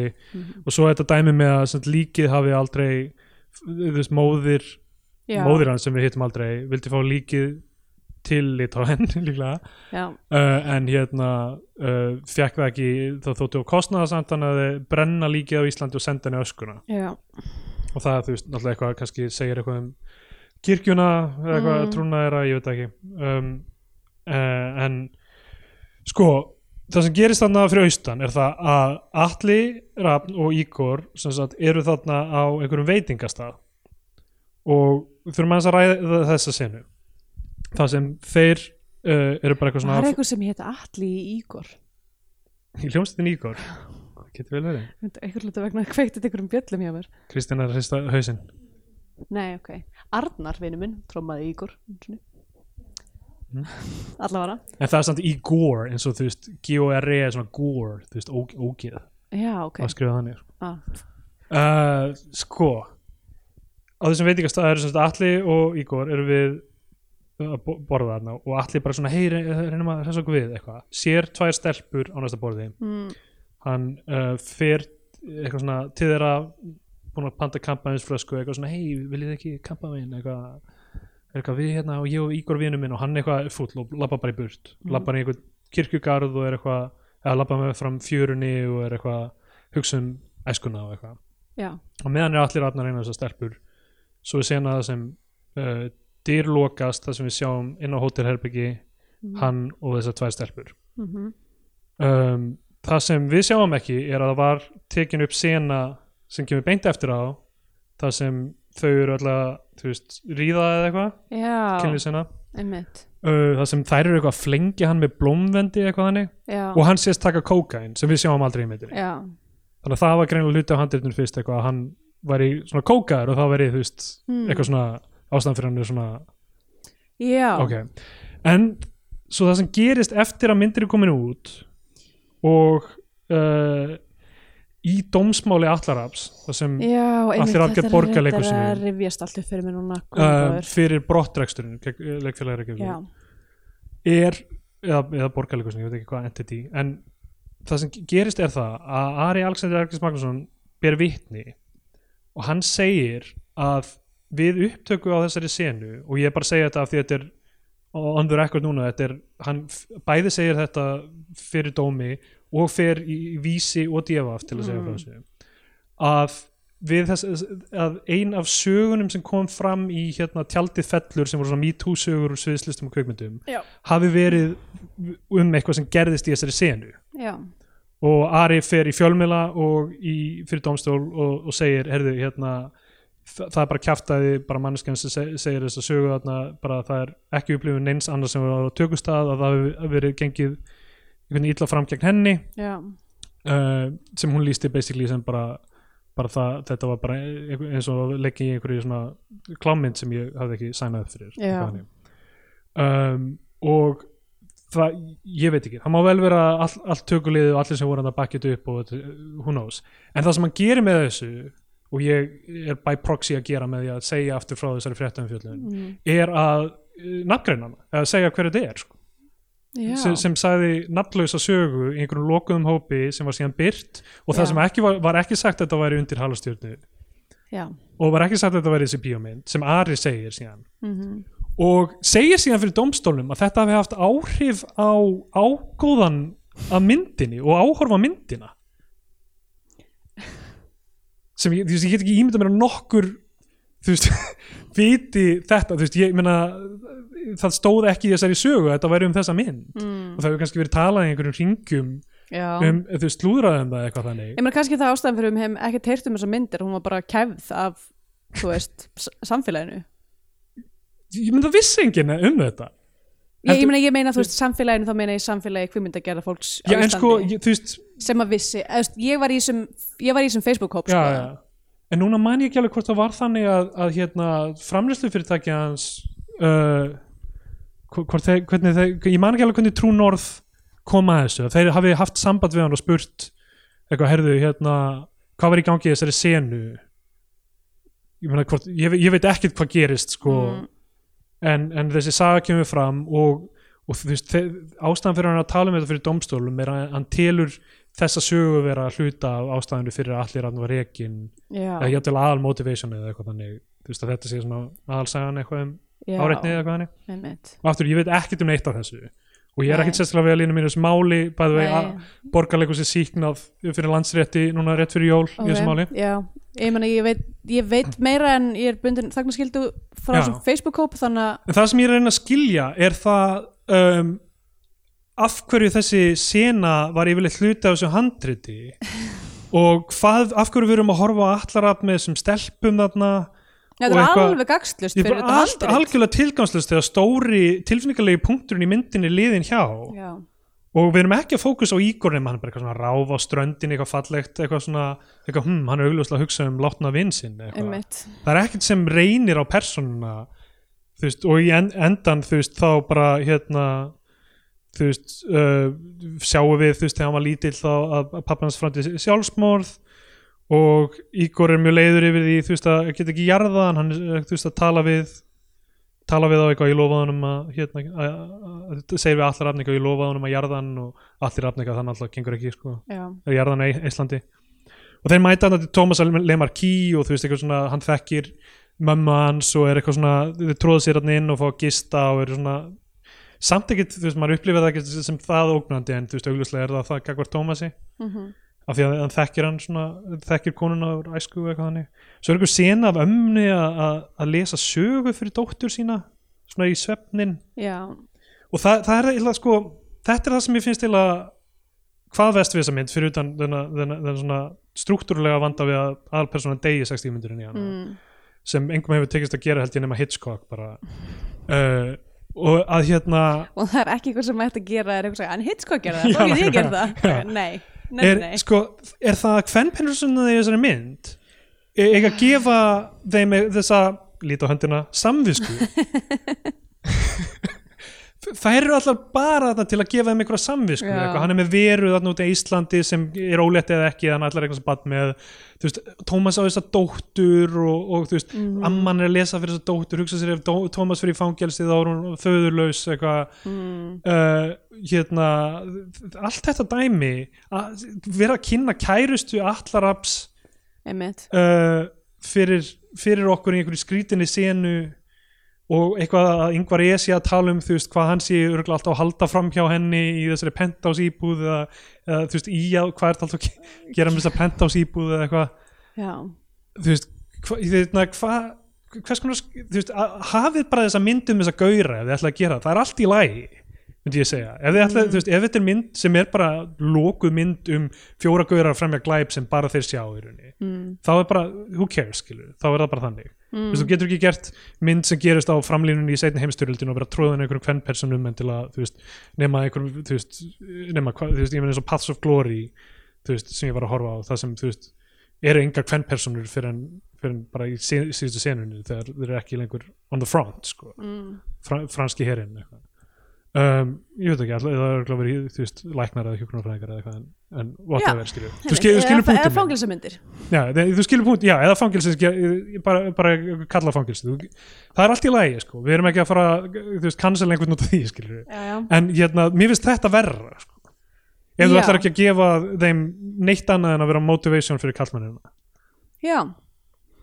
Já, sko þetta er, jú ég menn þetta er alveg rétt þér sko. Við sjáum ekkert hvað verður um veru, í loka textanum þá er bara mamma hans bara um líki heim. einmitt. hvað verður um veru, hvernig hefur hún það þegar, þegar hérna, besti vinur hennar úr æsku er í fangelsi á Íslandi fyrir að drepa kærastan hennar? Hvað er svarið við þeirri spurningu? einmitt hún er bara þarna til þess að vera eitthvað þú veist, að Ígor ringir aftur í hana og segir henni sannleik, eða þú veist, eða hálfsannleikan einhvern, þú veist, eða, segir henni þú veist, Nei, hann lígur hann, hann, hann lígur, hann ég- lígur henni menn, ég meina fyrst ringir fyrst ringir uh, Mikael aftur í hana og segir henni sannleikan, bara hann sé mjög veikur Já, og ætla að koma við flugi sem að kemur aldrei. Og svo lígur Ígor að henni. Já. Já, ég veit það. Um, Já, ég meina þetta er ég meina, já, þessi mynd náttúrulega fellur á Bechtelprófunu, það er deginum ljósara. Um, já, en hm.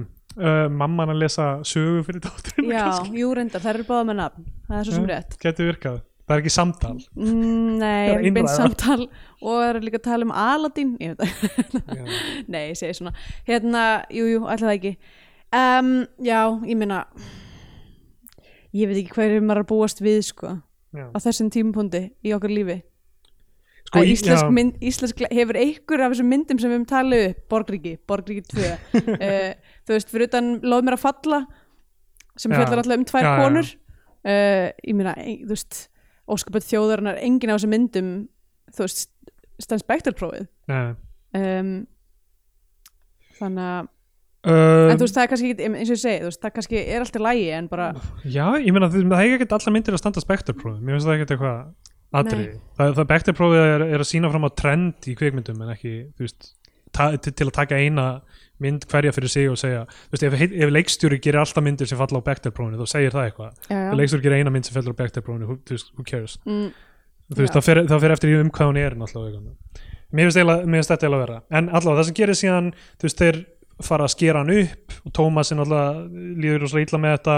Ígor endar á því að vera sá sem skera hann upp já Og- hann eiginlega krefst þess, hann er eitthvað ekki snertan, Já, ég, ég ger þetta, og nær út fullt af pókum og allir eitthvað, það eru nokkri enda þarna inni og það er líkla pókarnir sem Tómas stól, Já. stál og hann er bara, hefði komin á og ógnar alla með hníf og eitthvað. Já, leiðir ekki til neinstanni síðan já, svo hringir Vera þegar þeir eru í miðjum klíðum og hann líkur að henni bara eitthvað, ég veit ekki hvað varðum hann ég hef ekki heyrt, ég veit jafn mikið að þú eitthvað, og síðan uh, fara þeir hendunum í höfnina fyrst setur Ígor hálsmenni sitt í munnin á honum. Hafa þetta hálsmenni eitthvað significance? eða? já, þetta er halastjörnan úr já hálsmenni, já, eh, hann sérst í byrjuninni að þá hérna, þá gefur Mikael honum halastjörnuna sem hann finnur já, já, uh, út, af því að, út af því að hann basically er bara eitthvað svona allt svo umöld hjá mér, pappi minn er rúsneskur já. um, og hann er eitthvað, heyrðu alltaf lægt taktu þennan stein.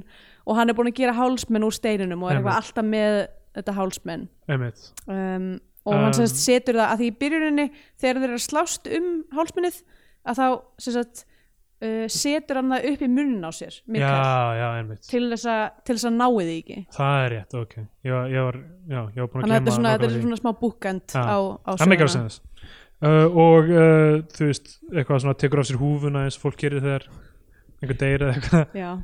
Uh, og hérna það er ástæðan fyrir að fólk er með hatta svo það geti tekið það af sér þegar að gefa til kynna það sé nefnilega, að það sé eitthvað tilfinninga Mm. eitthvað svona æðra mátavald og henda honum í höfnina og það er myndi búin Já, og textin um, og um hvernig fór. einmitt, og svona farið aftur upp á heiminin til að sjá stjörnunar og eitthvað. Og þú veist, ég, ég hef svo sem ekkert á á móti þessu kosmíska svona innrömmuna dæmi Nei. En mér finnst það aðeins stangast á við þetta heimspolítikur dót, þetta bara lendir ekki einhvern veginn. Það fannst mér einmitt vera sko ég veit ekki, svo einmitt fór ég á IMDb síðuna og þá er sérst kynningatextin eitthvað svona a modern day uh, tale of Judas. Eitthvað, þetta á að vera eitthvað svona Júdasarsaga Nei, hættu nú alveg. Jú, Ok, en sem að mér finnst ekki alveg passa að því það myndi þá þýða að Ígor hafi þá viljandi sett hann upp til þess að deyja. Já, sko Mér finnst alltaf með Ígor. Ég vil fle bara einhvern veginn fleiri senur með bara Ígor að vita meira um hann. Já, af því að hann þarf að bera upp myndina síðasta hálftíman og hérna hann er, þú veist, fá aðeins meira hefi að hann svíki hann fyrir þú veist, fyrir, fyrir peninga í rauninni. Veist, við, við, ok, ég, ég ætla ekki að endur taka þetta sem ég sagði en mér finnst sko auglisla með því að hafa allar af svona mikið verri mm, þá er þú veist, ok, ef þú fer með hann á á, uh, á spítala þá er það samt, þú veist, einhvern veginn eitthvað sem ég, ég einhvern veginn upplýða það að hann væri ekkert, engin væri spenntur fyrir því sko, af því að þá vissu, vissu er að væri að setja hann í fangelsi sama hvað. Mm, og þú veist, það er eitthvað no, point of no return þarna sem mér finnst verða, skilur, það sem hann er alveg fárveikur. Já, einmitt. Uh, ég veit ekki, ég, þú veist, það vantar kannski þú veist Já, að við eftir- sjáum hann eftir- taka sko, ég held- ákvörðun ég sem held- er ég vil peningana fram með vinnin einmitt nákvæmlega, eftir að hann gubbar hann blóðinu að þá er það er alveg point Já. return þá er það bara eitthvað, ok, af því að þá er þeir reyna að senda hann til Íslands til að hann fara á spítala og muni ekki þurfa að fara í fangelsi. Já, það er pælingin, að, því að að ekki spítala þetta er til lækni sem þeir eru með. Já, sem að getur þannig að þú veist, þarna er hann ennþá þó þetta sé mi- mjög misráðið, sjáandi uh, hvað hann er veikur, mm, hugsa þér ok, hann þólir þessa flugferð, þetta eru þú veist, sjö tíma núna eða eitthvað, það til hann er komin í læknishendur en ekki engin tími og hann fyrir í fangelsi í tíu ári eða hvað það er. Einmitt. Þannig ég, mér finnst ég ekki sjá ákvörðuna um, um bara herðu, þetta er Jú, ekki ég. veist, það, ég held að maður þarf að vera svolítið gjafmildur á heimskuðu þeirra til þess að, þú veist, ég held að þetta sé alveg með þetta veist, ykkur gubbar blóði spýr blóði já, en ef það er point of no return ef hann orðin bara, ég held að hann væri dauður þá sko. Já, mitt En hann veist- bara nokkur síðar, sko. Já, ég hugsa að ef þeir fara með hann bruna með hann á bráðumáttökuna núna það er örglega ekki sen sko. Já, og þú veist, þá maður er í bíl út um að blóði, þeir eru fókt líka. Þetta er ekki, þú veist, þetta dæmi um að lappa inn með hann lengur sem, sem allir er að veist, spurðum þannig að þú veist, þegar þeir eru að keira tilbaka í bæinn í bílnum og segja svona, við sendum hann bara næsta flugi, hann jafna sig. Þá er þeir bara að ljúga sjálfum sér en það hefði maður bara að sleppa þessari setningu Já, já, þeir segja þér það sem þeir eru að kera með hann Tilbaka. fucked up. Já, Já, kannski halda kannski er það að sjálfum sér, það getur verið. En, það, þá eru þeir samt að tala um að bjargunum en þá og þeir missa dópið með því aftur til, þeir þurfa að senda einhvern nýjan með dópið. Ég skil ekki alveg að færa ekki einu sinni peningana þá. Nei. Af hverju er hann sáttur með þetta plan?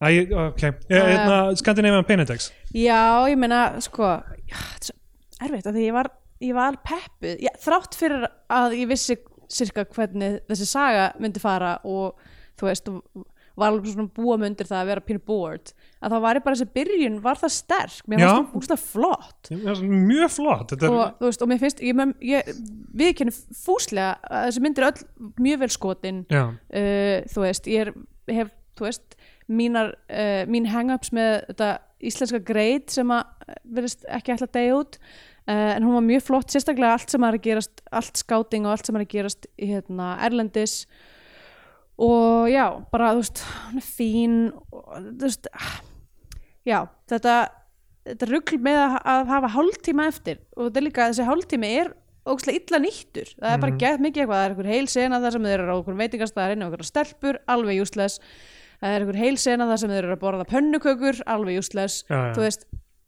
ekki vera að eyða tíma í þetta þegar að Þetta var að vera að rampa upp skilur upp í eitthvað svona loka ymmit, moment nákvæmlega en ekki bara þú veist það en- kemur endinn að á- það dramatíst augnablík og svo bara flatlænar myndin Já, já, en, þú veist, þetta er meira eins og bara að lesa endi, endan á einhverju Wikipedia grein Einmitt. skilur frekar en að þú veist, sjá eitthvað rís þannig Einmitt. Um, já, en ég meina þú veist, ef við ætlum að tala um Scandinavian Pain, við erum að tala um Já, heimilsofbeldi, fuck. við erum að tala um harm up the wazoo, það er dope, það er fík og þetta er allt saman mjög blátt, það er sjálfsmorð, íslensk náttúra er í fyrirrúmi, uh, þú veist, það er náttúrulega þetta döðsall, það er útlendingahatur, við erum að tala um bara einhverja bombu Þetta hérna, er sko. ákveðin bomba sko. Eh. og þú veist, af því að Ístrasalslöndin eru stór hluti af norrænu samstarfi Já, uh, sem Scandinavian Pain held ég að tegja sig alveg upp til þeirra alveg skilur. 100% sko. og hérna eh, eru, eru eh, þú veist já, já, ég held ættum að fara að líta á þau miklu meira sem hluta af, hluta af því þegar við tölum um Norðurlönd. Já, algjörlega. uh, og, og ættum að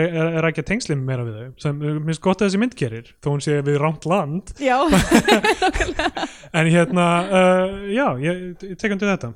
Já, þannig að þetta, ég meina hún fær hjá mér, uh, ég veit ekki, ég vil segja 62 af 66 hnullungum á spýti. já, ég, ok. Ég, hm, það er mjög gott. Ég, ég ætlaði að segja ríkiskonna. Uh, já, þá bara hérna um, hún, fær, já, fær hún uh, bara tvo af tveimur uh, hérna glæpona prestum. Þá komið tímapunktið sem gefur myndinni sess af flagskipi íslenska kvikmynda áfram íslenska fánan. Eða mælum frekar með því að hlustundur uh, horfum einhverja bandarinska Hollywood-dellu þá farum bandarinska bjánan Mm. Úf, ég svona út af það. Ég skal bara byrja með þetta að hljóma frekar ljóst sko, ég var eiginlega þú veist, ég var upp að mínútu örglega svona 60 þannig að eða svona Já. hátt í þegar hann er að fara að deyja Einmitt. þá er ég eitthvað svona, ég held að þetta verði mynd sem þú veist, allavega nógu falleg og nógu áhugaverð Næri lendingu. til hún myndi na- lenda fyrir mig á, á flagskipinu hún er einhver svona er einhver svona brokkingri lendingu skilur eitthvað, þú veist. Flagskipið er núna það er flugmó- flugmóðskip. flugmóðskip það er svo marga marga myndir, það er, er slatta myndum á því en þú veist, það verður kannski veist, ákveðin svona sölli lending eða þú veist, ef hún lendir veist, í sjónum við hliðina á skipinu. nokkrar gæsir. en það, lif, það lifa allir af lendinguna. Uh, en ég- eins og ég segi þú bara struktúrlega er þetta daldið fókt af við myndina sem heitir Mikael Elendis og mm, af því að þú veist, ef þeir væru alveg svona co-protagonists, ef við værum ekki að sjá Ígor frá upphafi sem sem einhvern veginn secondary við hann já, eð, þú veist, eða ef Ígor væri já, já- jafnvel sterkari sem aðpersona og við værum að þú veist, af hverju er hann hvað er, hvaðan kemur þessi ég bituleiki held kannski við að reygin mistökin hafa bara verið að skýra þessa mynd mikil. já, hún heitir náttúrulega undir halastjörn á Íslandi sem, og eins og ég segi, daldi, daldi sætt en Mm. þú veist og líka ekkert eitthvað rosa frumlegt eitthvað svona, eitthvað þau voru lítil þá fundu við fallan stein það er eitthvað svona daldið Já, já. eitthvað, já, ég sé þetta og hérna Nei, ég um, meina, meina bara það að þú veist að ef við hefðum ekki haft þessar upplýsingar að myndin hétt Mikkel þá Já. hefðum við ekki fókusirað á Mikkel í þessum byrjunarsinnum, það hefði Já. fókusirað á alla karakterina það er rétt, en þú veist, hann alveg ber upp fyrstu, fyrsta korteri 20 mínútur, Já. það er augljóslega þetta er maðurinn til að fylgjast með. Og Ígor er bara, þú veist, hann ringir í hann Ígor ringir í hann og svo er hann fastur á prestunum og það bara, en Ígor sagði eitthvað, nei, nei, glemdu því.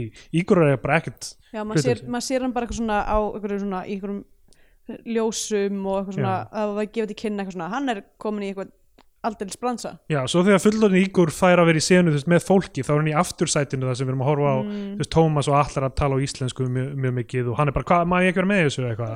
Þú veist, hann er bara svona auka einmitt.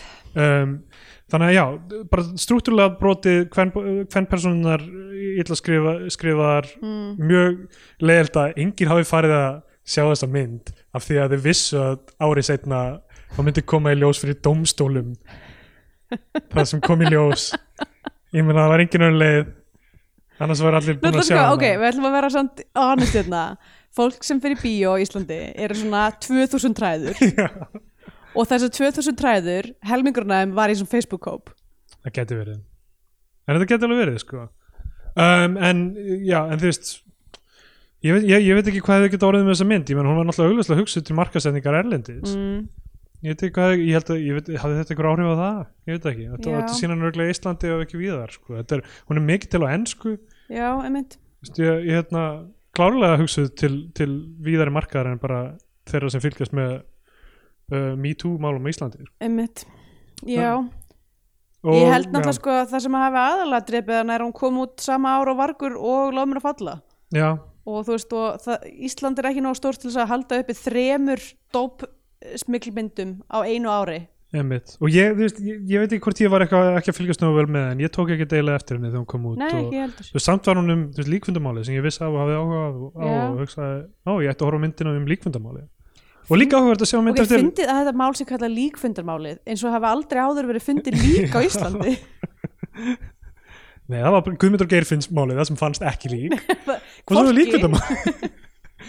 en líka að sjá mynd eftir Ara Alexander í, í, í fullri lengt sem hann skrifa líka og veist, Mm. maður sem hefur verið í íslensku kveikmyndasennunni lengi og, og vinnandi og, og veist sem upp á leikstjórna hefileika hans þú veist, er þetta svona mixed bag en, en enga síður þú veist margt mjög jákvætt og Já, ég meina þessum krökkum er leikstýrt mjög vel fyrst mér bæði í íslensku stelpunni og líka þarna, í, hérna, krökkunum úti Einmitt. uh, en bara enn en einn að- rökin gegn Otter þjóri skilur, þú veist að, að f- fólk eigi að hleypa fleirum að var þetta skrif og það var alveg slatt af fólki sem að kredita fyrir eitthvað svona handrita hérna, uh, hjálp já, kannski, Um, já, það er rétt kannski. En engu að síður, já þannig að þú, hún fer ekki á flagskipið að þér.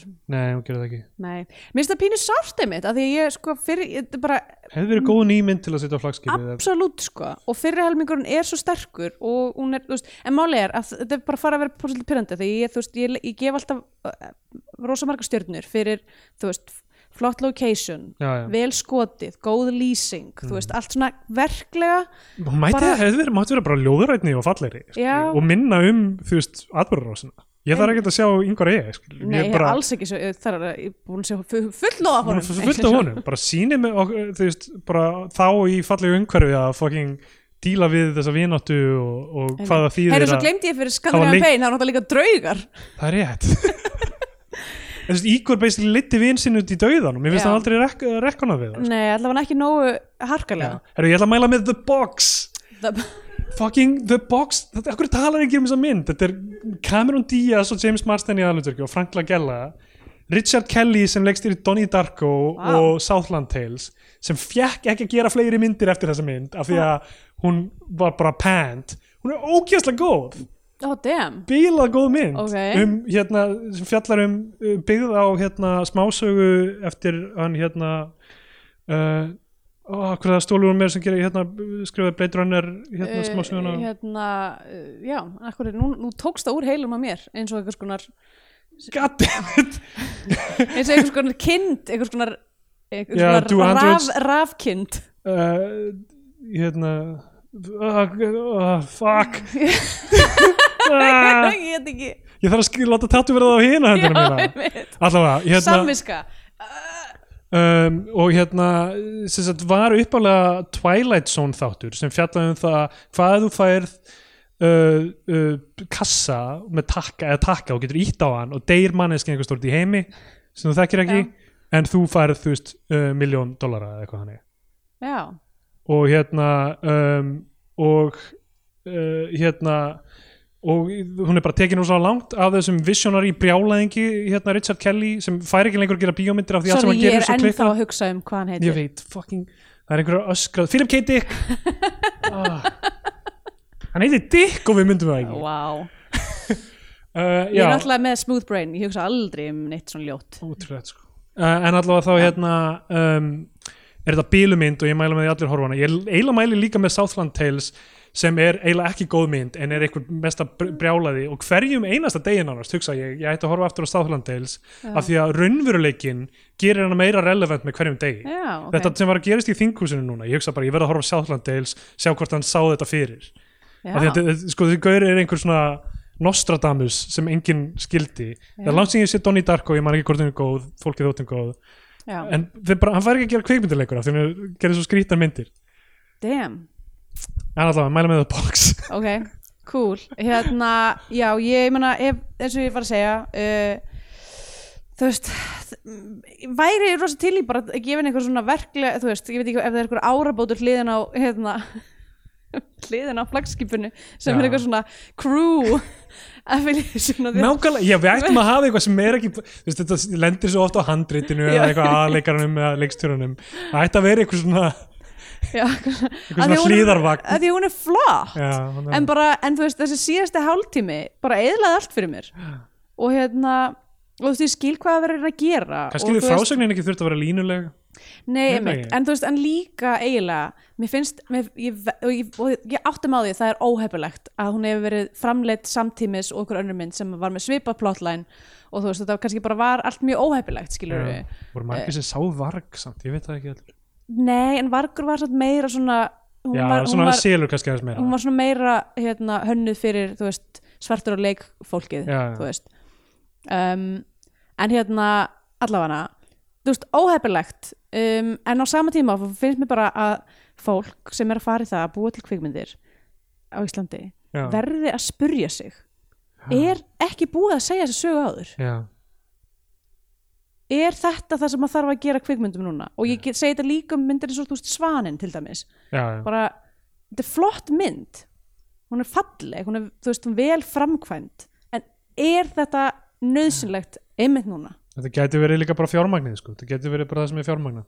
Já, menn, þá, þá, þá það fucking verður maður bara að spurja kvikmyndasjóð af hverju eru þið alltaf að grínlata sömu myndina aftur og aftur? Einmitt.